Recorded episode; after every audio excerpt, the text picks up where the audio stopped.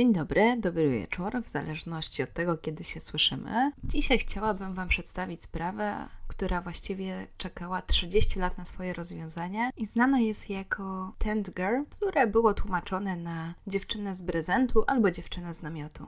Bez zbędnych wstępów zapraszam Was do wysłuchania dzisiejszego odcinka, do komentowania, wyrażenia swoich opinii na temat tej sprawy oraz do wspierania mnie na Patronajcie, dzięki któremu wrzucam te podcasty m.in. na Spotify czy iTunes.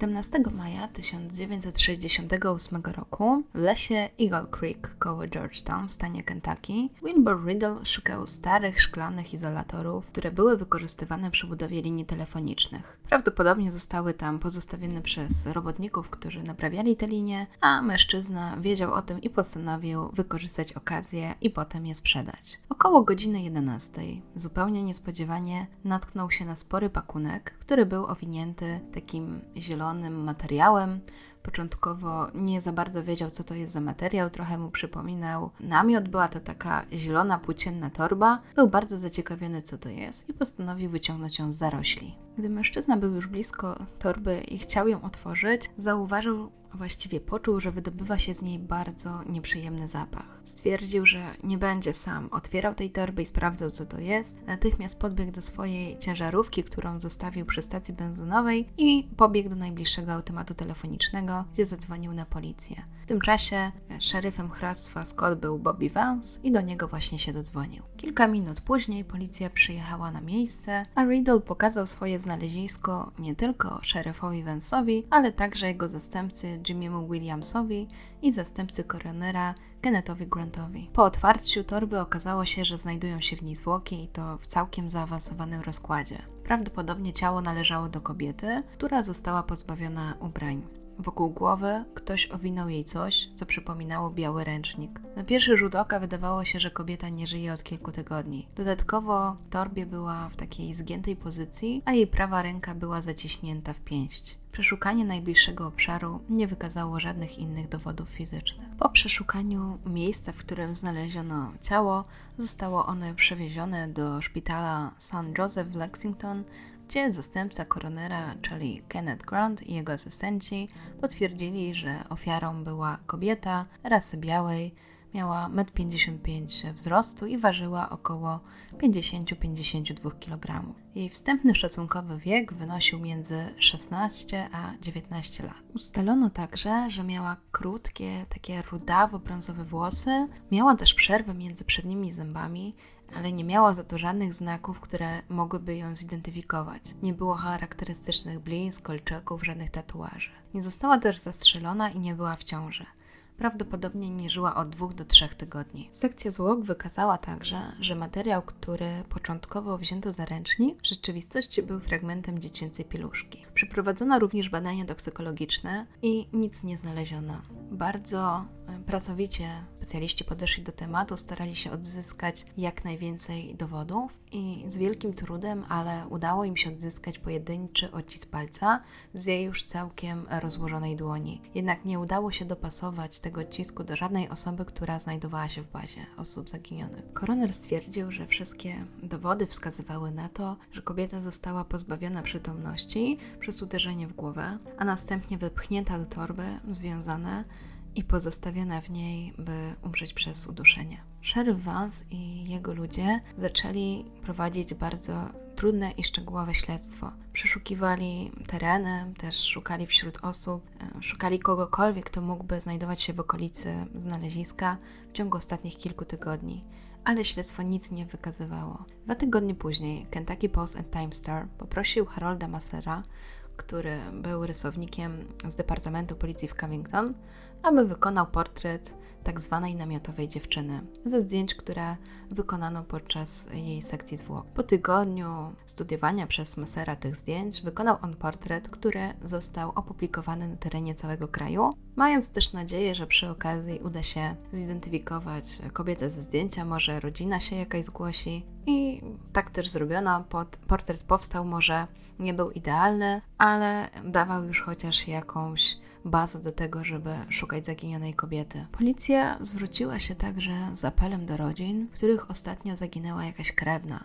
Z zapytaniem, czy przypadkiem to nie jest ich krewna, czy właśnie nie, nie tej kobiety szukają, ale nikt się nie zgłosił, nikt nie potwierdził, że e, dziewczyna z namiotu, namiotowa dziewczyna, jak to różnie tłumaczono, była właśnie ich krewną. Poproszono zatem rysownika, aby ponownie stworzył portret dziewczyny, być może mm, troszkę inaczej podszedł do tematu, jakoś dokładniej. I tak też e, zrobiono, narysowano, znaczy on narysował drugi portret, on również został opublikowany w tej gazecie, a następnie reporter mm, gazety Kentucky Post and Time Stars nazwał kobietę Tent Girl i tak też to już później w prasie się utrzymywało. Po tym drugim portrecie zaczęły napływać zgłoszenia, odzew był troszkę większy, jednak problem polegał na tym, że przez to, że dziewczyna nie miała żadnych charakterystycznych cech i wyglądała dosyć przeciętnie, była podobna do tak wielu zaginionych, że tak naprawdę dołożyło to tylko pracę śledczym, którzy nadal nie mieli żadnego kierunku, w którym powinni podążać. Policja spędzała wiele godzin na przeszukiwaniu tych listów, przeglądaniu ich, śledzeniu kolejnych tropów, ale żaden z nich nie pomógł. W końcu pojawił się bardzo obiecujący trop. Wydawało się, że śledczy mają rozwiązanie już właściwie na wyciągnięcie ręki. Otóż pojawiło się zaginięcie nastolatki ze stanu Maryland, jednak wkrótce okazało się, że dziewczyna żyje i po prostu uciekła ze swoim chłopakiem. Zaginioną dziewczyną z Pasadeny dokładniej była mm, kobieta o imieniu Doris Dietmar. To, co jest jeszcze ciekawe, to jej dane dentystyczne były całkiem podobne do danych znalezionej dziewczyny. Jednak właśnie, tak jak Wam wspomniałam, kobietę odnaleziono w Pensylwanii, w Bradford i żyła tam sobie spokojnie ze swoim chłopakiem, cała i zdrowa. Podczas gdy Policja, część śledczych zajmowała się sprawą Doris Dietmar. Na posterunek zgłosił się kierowca ciężarówki, który doniósł, że jakiś czas temu widział parę autostopowiczów, którzy mniej więcej dwa tygodnie przed znalezieniem ciała próbowali złapać okazję właśnie w tych okolicach. Zeznał, że jechał w deszczu około 5 km na północ od Sadeville i ich mijał.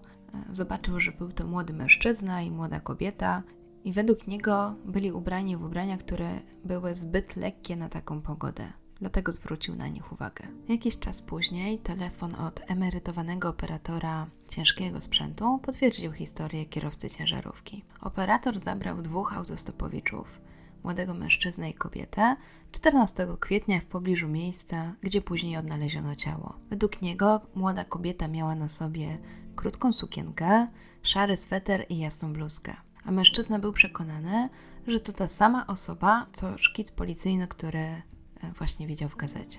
Z kolei młodego mężczyznę opisał jako takiego w stylu hippie, zwłaszcza jeżeli chodzi o włosy, więc podejrzewam, że miał jakieś dłuższe włosy, może związane, i oboje mieli ze sobą plecaki charakterystyczne na kemping. Tak to zostało określone, tak zwane plecaki kempingowe. Kiedy jechał z nimi na południe, młoda para cały czas ze sobą się kłóciła, a na koniec kazał im wysiąść, bo już go to zaczęło drażnić. Ostatni raz widział ich podróżujących również autostopem z powrotem na północ w kierunku Georgetown. W międzyczasie na policji pojawił się również anonimowy telefon, w którym twierdzono, że ręcznik znaleziony tak zwaną namiotową dziewczyną, został wycięty z rolki w talecie restauracji Nobles w pobliskim Koryncie, mniej więcej 3 do 5 tygodni przed znalezieniem ciała. Co ciekawe, w pobliskim lesie znaleziono również but, który prawdopodobnie pochodził od y, namiotowej dziewczyny. Choć policja ustaliła już, że tym materiałem owiniętym wokół szyi dziewczyny była pieluszka, to jednak postanowili pojechać do tej restauracji, przy okazji przepytać obsługę. Pokazali też im policyjny szkic, żeby zobaczyć, czy ktoś przypadkiem jej nie pamięta, ale nikt za bardzo nie pamiętał takiej dziewczyny. Oprócz tego pobrali próbki z tego ręcznika, o którym wspomniał anonimowy rozmówca, ale późniejsze badania wykazały, że absolutnie nie jest to ten sam materiał. Wszystkie te materiały znalezione wokół ciała dziewczyny, czyli ten ręcznik, ale czyli późniejszą pieluchę i ten namiot, wysłano do laboratorium FBI w Waszyngtonie. I tam też zidentyfikowano, że ten materiał owinięty wokół szyi kobiety. Jest to część pieluszki dla dziecka, konkretnie pieluchy Birdsea, ale jeżeli chodzi o płócienną torbę, w której znajdowało się ciało kobiety i sznur, który związano kobietę, to niestety wykazano, że były one zrobione ze standardowych materiałów, które wykorzystywało wielu producentów i dystrybutorów, więc nie byli w stanie zawęzić potencjalnych producentów. Więc nie byli w stanie zawęzić pola poszukiwań do konkretnych producentów. Wydawało się już, że wszystkie możliwości zostały wykorzystane i śledczy nie za bardzo wiedzieli, co mają robić dalej. Ale nagle pojawił się nowy trop, dokładniej w hrabstwie Bucks w Pensylwanii. Znaleziono ciało innej dziewczyny, a okoliczności wydawały się być bardzo podobne. Znaleziona została Candace Clothier i miała 16 lat, kiedy zniknęła ze swojego domu w Filadelfii. 9 marca 1968 roku Około 20.30 po Candance zaginął ślad. Chociaż w poszukiwaniu wzięło udział ponad 300 osób, nie znaleziono jej. Dopiero 13 kwietnia po 5 rano trzech rybaków Matthew Porpora, Spence Park, Paul Franklin i Jim Franklin Furlong odkryli jej ciało w Neshaminy Creek w hrabstwie Bucks, tylko kilka kilometrów na północ od Filadelfii. Jej ciało tkwiło w torbie, a wokół szyi miała zawiązane jakiś materiał, prawdopodobnie wełniany sweter. Została porzucona na takiej małej wysepce, która zrobiła się w potoku. Obie kobiety były do siebie bardzo podobne fizycznie, a ich ciała znaleziono w analogicznych okolicznościach. Jednak sprawcy żadnej z tych śmierci nie udało się ująć. Ciało znalezionej kobiety zostało zabrane do, do szpitala hrabstwa Lower Bucks na autopsję. Płócienna torba była zawiązana na jej szyi, a na głowie miała owinięty wełniany sweter. Stan rozkładu i błoto zalegające na torbie dały jednoznaczny wniosek, że prawdopodobnie nie żyła już od dłuższego czasu, przynajmniej kilku tygodni. Według artykułu, który ukazał się w gazecie, jej ciało nigdy nie zostało bezpośrednio zidentyfikowane, a została zidentyfikowana na podstawie ubrań przez swojego ojca Elmera i siostrę Susan. Prawdopodobnie chodziło o to, że śledczy chcieli oszczędzić rodzinie tak okropnego widoku i postanowili skupić się jedynie na tym, aby pokazać im ubrania. Pod koniec czerwca detektywi z Filadelfii przeprowadzili wywiady z ponad tysiącem osób, ale nadal nie mieli żadnych wskazówek co do tego, kto mógł zabić kobietę. Kiedy jednak trafili na doniesienia o sprawie dziewczyny z namiotu albo namiotowej dziewczyny, to stwierdzili, że jest tak duże prawdopodobieństwo, że te sprawy się pokrywają, ponieważ występowały bardzo podobne okoliczności, że postanowili skontaktować się z tamtejszymi detektywami. Na początku lipca detektyw z Filadelfii pojechał do Kentucky, aby porównać notatki i zweryfikować, czy te sprawy należy traktować jako sprawy związane z jednym sprawcą, czy są to też zupełnie oddzielne sprawy. Okazało się, że obie kobiety były nie tylko związane i ułożone w ten sam sposób, ale były bardzo do siebie podobne pod względem wagi, wzrostu włosów, a nawet budowy ciała. Detektywi zakładali, że być może mają do czynienia z jednym i tym samym sprawcą, ale nie mieli żadnych dowodów, które by to potwierdzały. W miarę upływu kolejnych miesięcy akta sprawy dla każdej z nich stawały się coraz większe. Potencjalni podejrzani nie napływali, nikt nowy się nie pojawił na horyzoncie. Śledztwo w pewnym momencie stanęło i nie wiadomo było dalej, jak je poprowadzić. W maju 1969 roku policja hrabstwa Scott spróbowała po raz ostatni. Artykuł opisujący sprawę dziewczyny z namiotu został opublikowany w całym kraju wraz z kolejnym portretem w magazynie Master Detective. Policja miała nadzieję, że może jakiś czytelnik trafi na ten artykuł, a następnie przedstawi im jakieś informacje, które sprawią, że to śledztwo znowu będzie mogło ruszyć, że będzie jakiś nowy trop. Ale niestety tak się nie stało. Do zidentyfikowania młodej kobiety miało dojść dopiero za 29 lat. W międzyczasie kobieta została pochowana na cmentarzu należącym do hrabstwa, części cmentarza w Georgetown z nagrobkiem, który identyfikował ją po prostu jako namiotową dziewczynę. Na nagrobku umieszczono podobiznę twarzy kobiety, którą stworzył wspomniany wcześniej rysownik oraz jej opis w nadziei, że kiedyś ktoś zobaczy tablicę i rozpozna tragicznie zmarłą kobietę. Na nagrobku było napisane Namiotowa dziewczyna, znaleziona 17 maja 1968 roku na US Highway 25N. Zmarła w okolicach 26 kwietnia 3 maja 1968 roku. Wiek 16-19 lat, wzrost 1,55 m, waga 50-52 kg. Sprawą namiotowej dziewczyny wkrótce żyła właściwie cała społeczność Georgetown. Mieszkańcy tego spokojnego jak dotąd miasteczka nie mogli uwierzyć, że w ich okolicy, w ich miejscowości znaleziono ciało tak młodej dziewczyny i to w sposób taki zupełnie pozbawiony jakiegokolwiek szacunku. Do tego nie można było ustalić ani kim ona była, ani kim był jej zabójcą. Więc gdy w 1971 roku na lokalnym cmentarzu odbył się jej pogrzeb, mieszkańcy postanowili dbać o ten grób, o jej pamięć i każdego roku właśnie dbali o to, żeby zawsze znajdowały się tam jakieś znicze, jakieś kwiaty, żeby po prostu nie zapomnieć o kobiecie. 16 lat po pogrzebie kobiety, Lori, córka Wilbera Ridla, który znalazł ciało kobiety, opowiadała historię namiotowej dziewczyny przy ognisku podczas Halloween. Jednym ze słuchaczy był jej przyszły mąż Todd Matthews. Przypadek niezidentyfikowanej kobiety przez prawie 20 lat bardzo go poruszył. Postanowił, że za wszelką cenę ustali, kim była ta kobieta i odda jej jej tożsamość. Todd Matthews jako zięć Wilbura Ridla, czyli tego mężczyzny, który znalazł ciało namiotowej dziewczyny, był bardzo zainteresowany ustaleniem właśnie kim ona była, odkryciem całej tej tajemnicy i naprawdę wkładał w to bardzo dużo energii. Stworzył taki artykuł, opisał dokładnie historię całego tego wydarzenia i rozpowszechniał ją jak najbardziej umiał. Również próbował współpracować z policją. Wszędzie, gdzie tylko da, szukał jakichkolwiek śladów. W ciągu dnia był pracownikiem fabryki w stanie Tennessee. W nocy stawał się takim detektywem amatorem, który wytrwale zbierał wszystkie informacje na temat namiotowej dziewczyny. Początkowo mógł zbierać tylko wycinki z gazet, telefonował, jeździł także w różne miejsca, które według niego były jakoś związane z niezidentyfikowaną kobietą.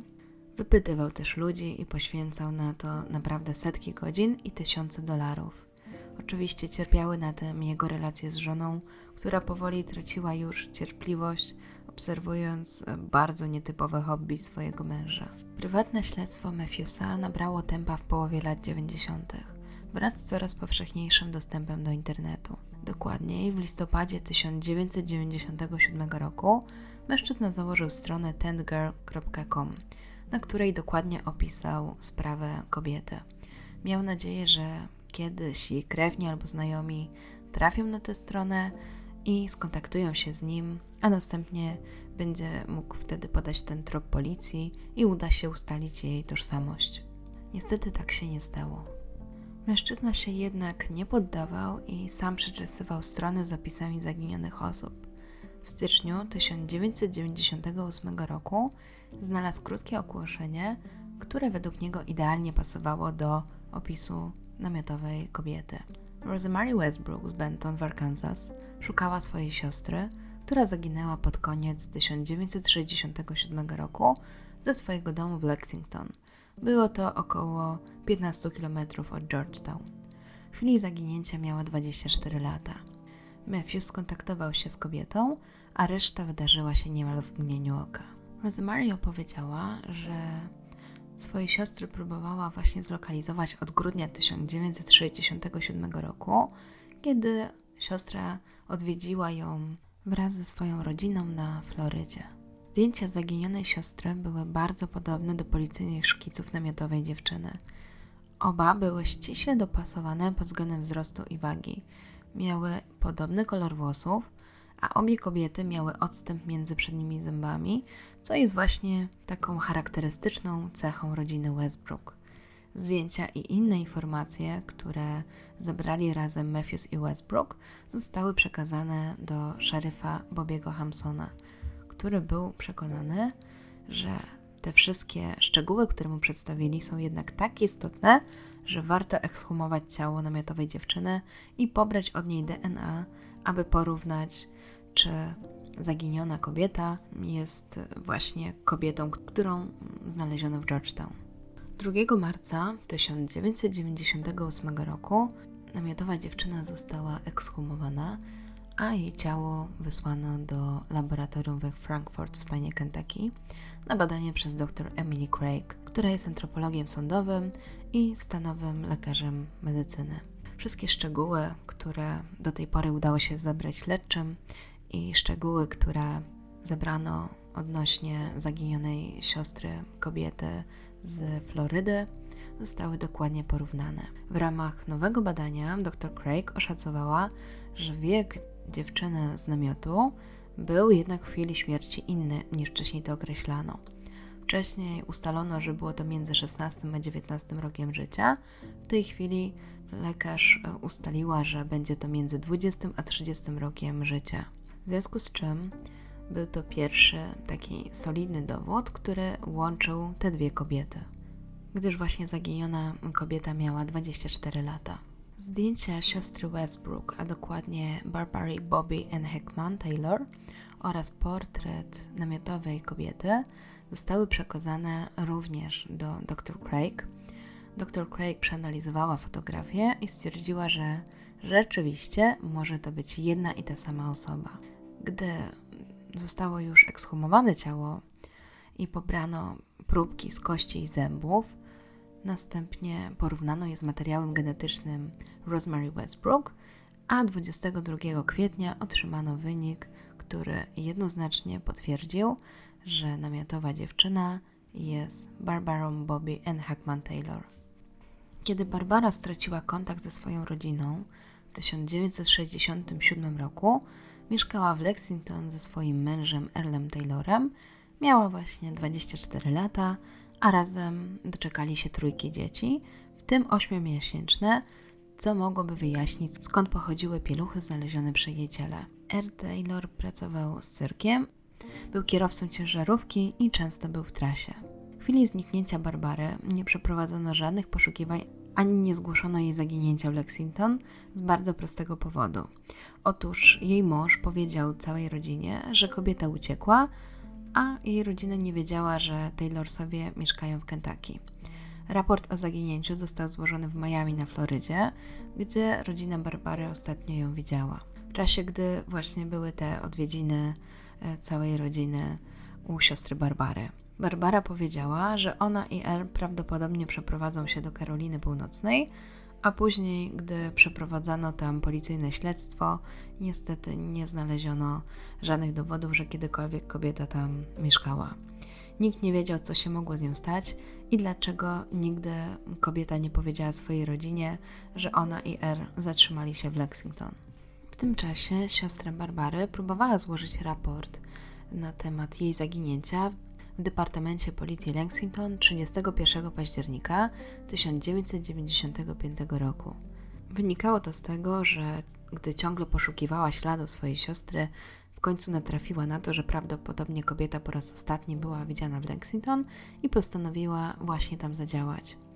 Rozmawiała z funkcjonariuszem Lily w dziale osób zaginionych i odpowiadała na pytania, ale nic z tego nie wyszło.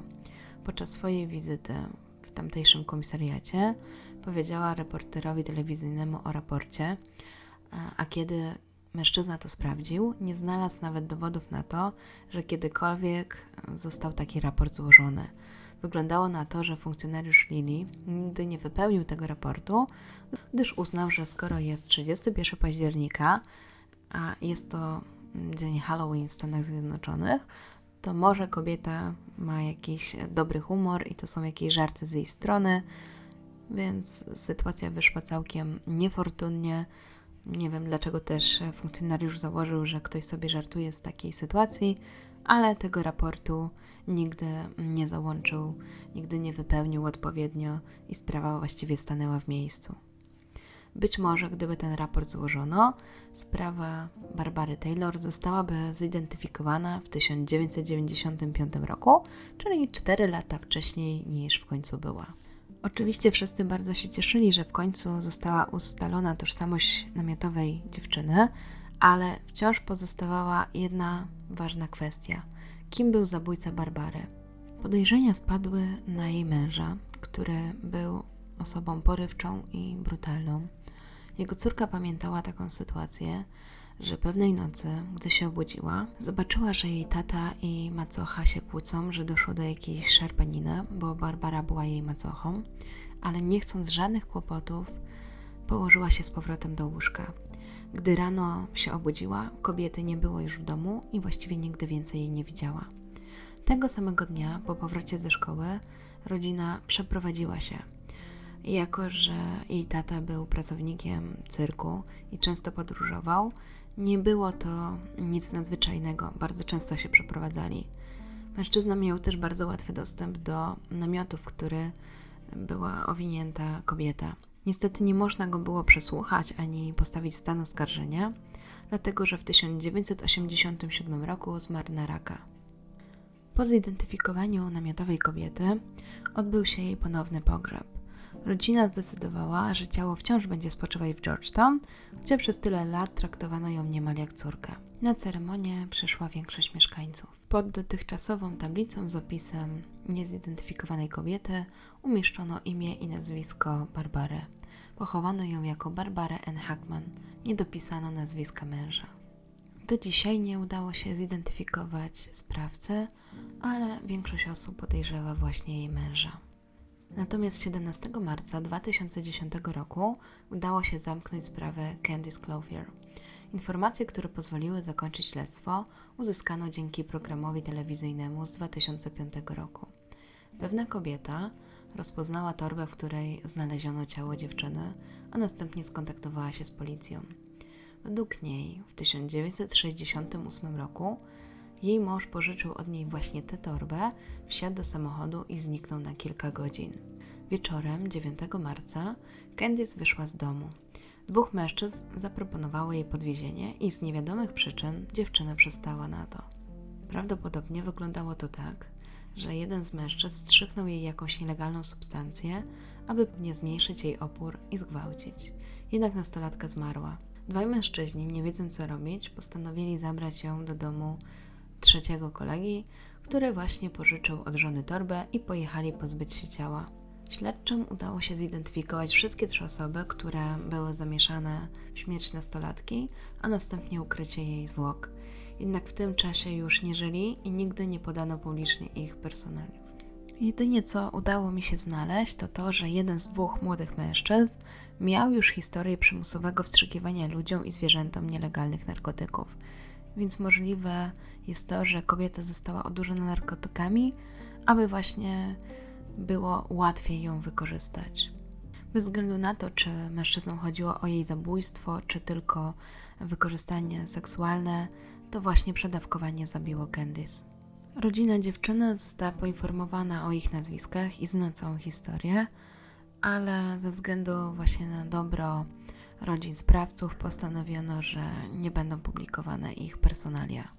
Pozwoliło to też jednoznacznie podkreślić, że obie sprawy nie były ze sobą powiązane i był to tylko niefortunny zbieg okoliczności.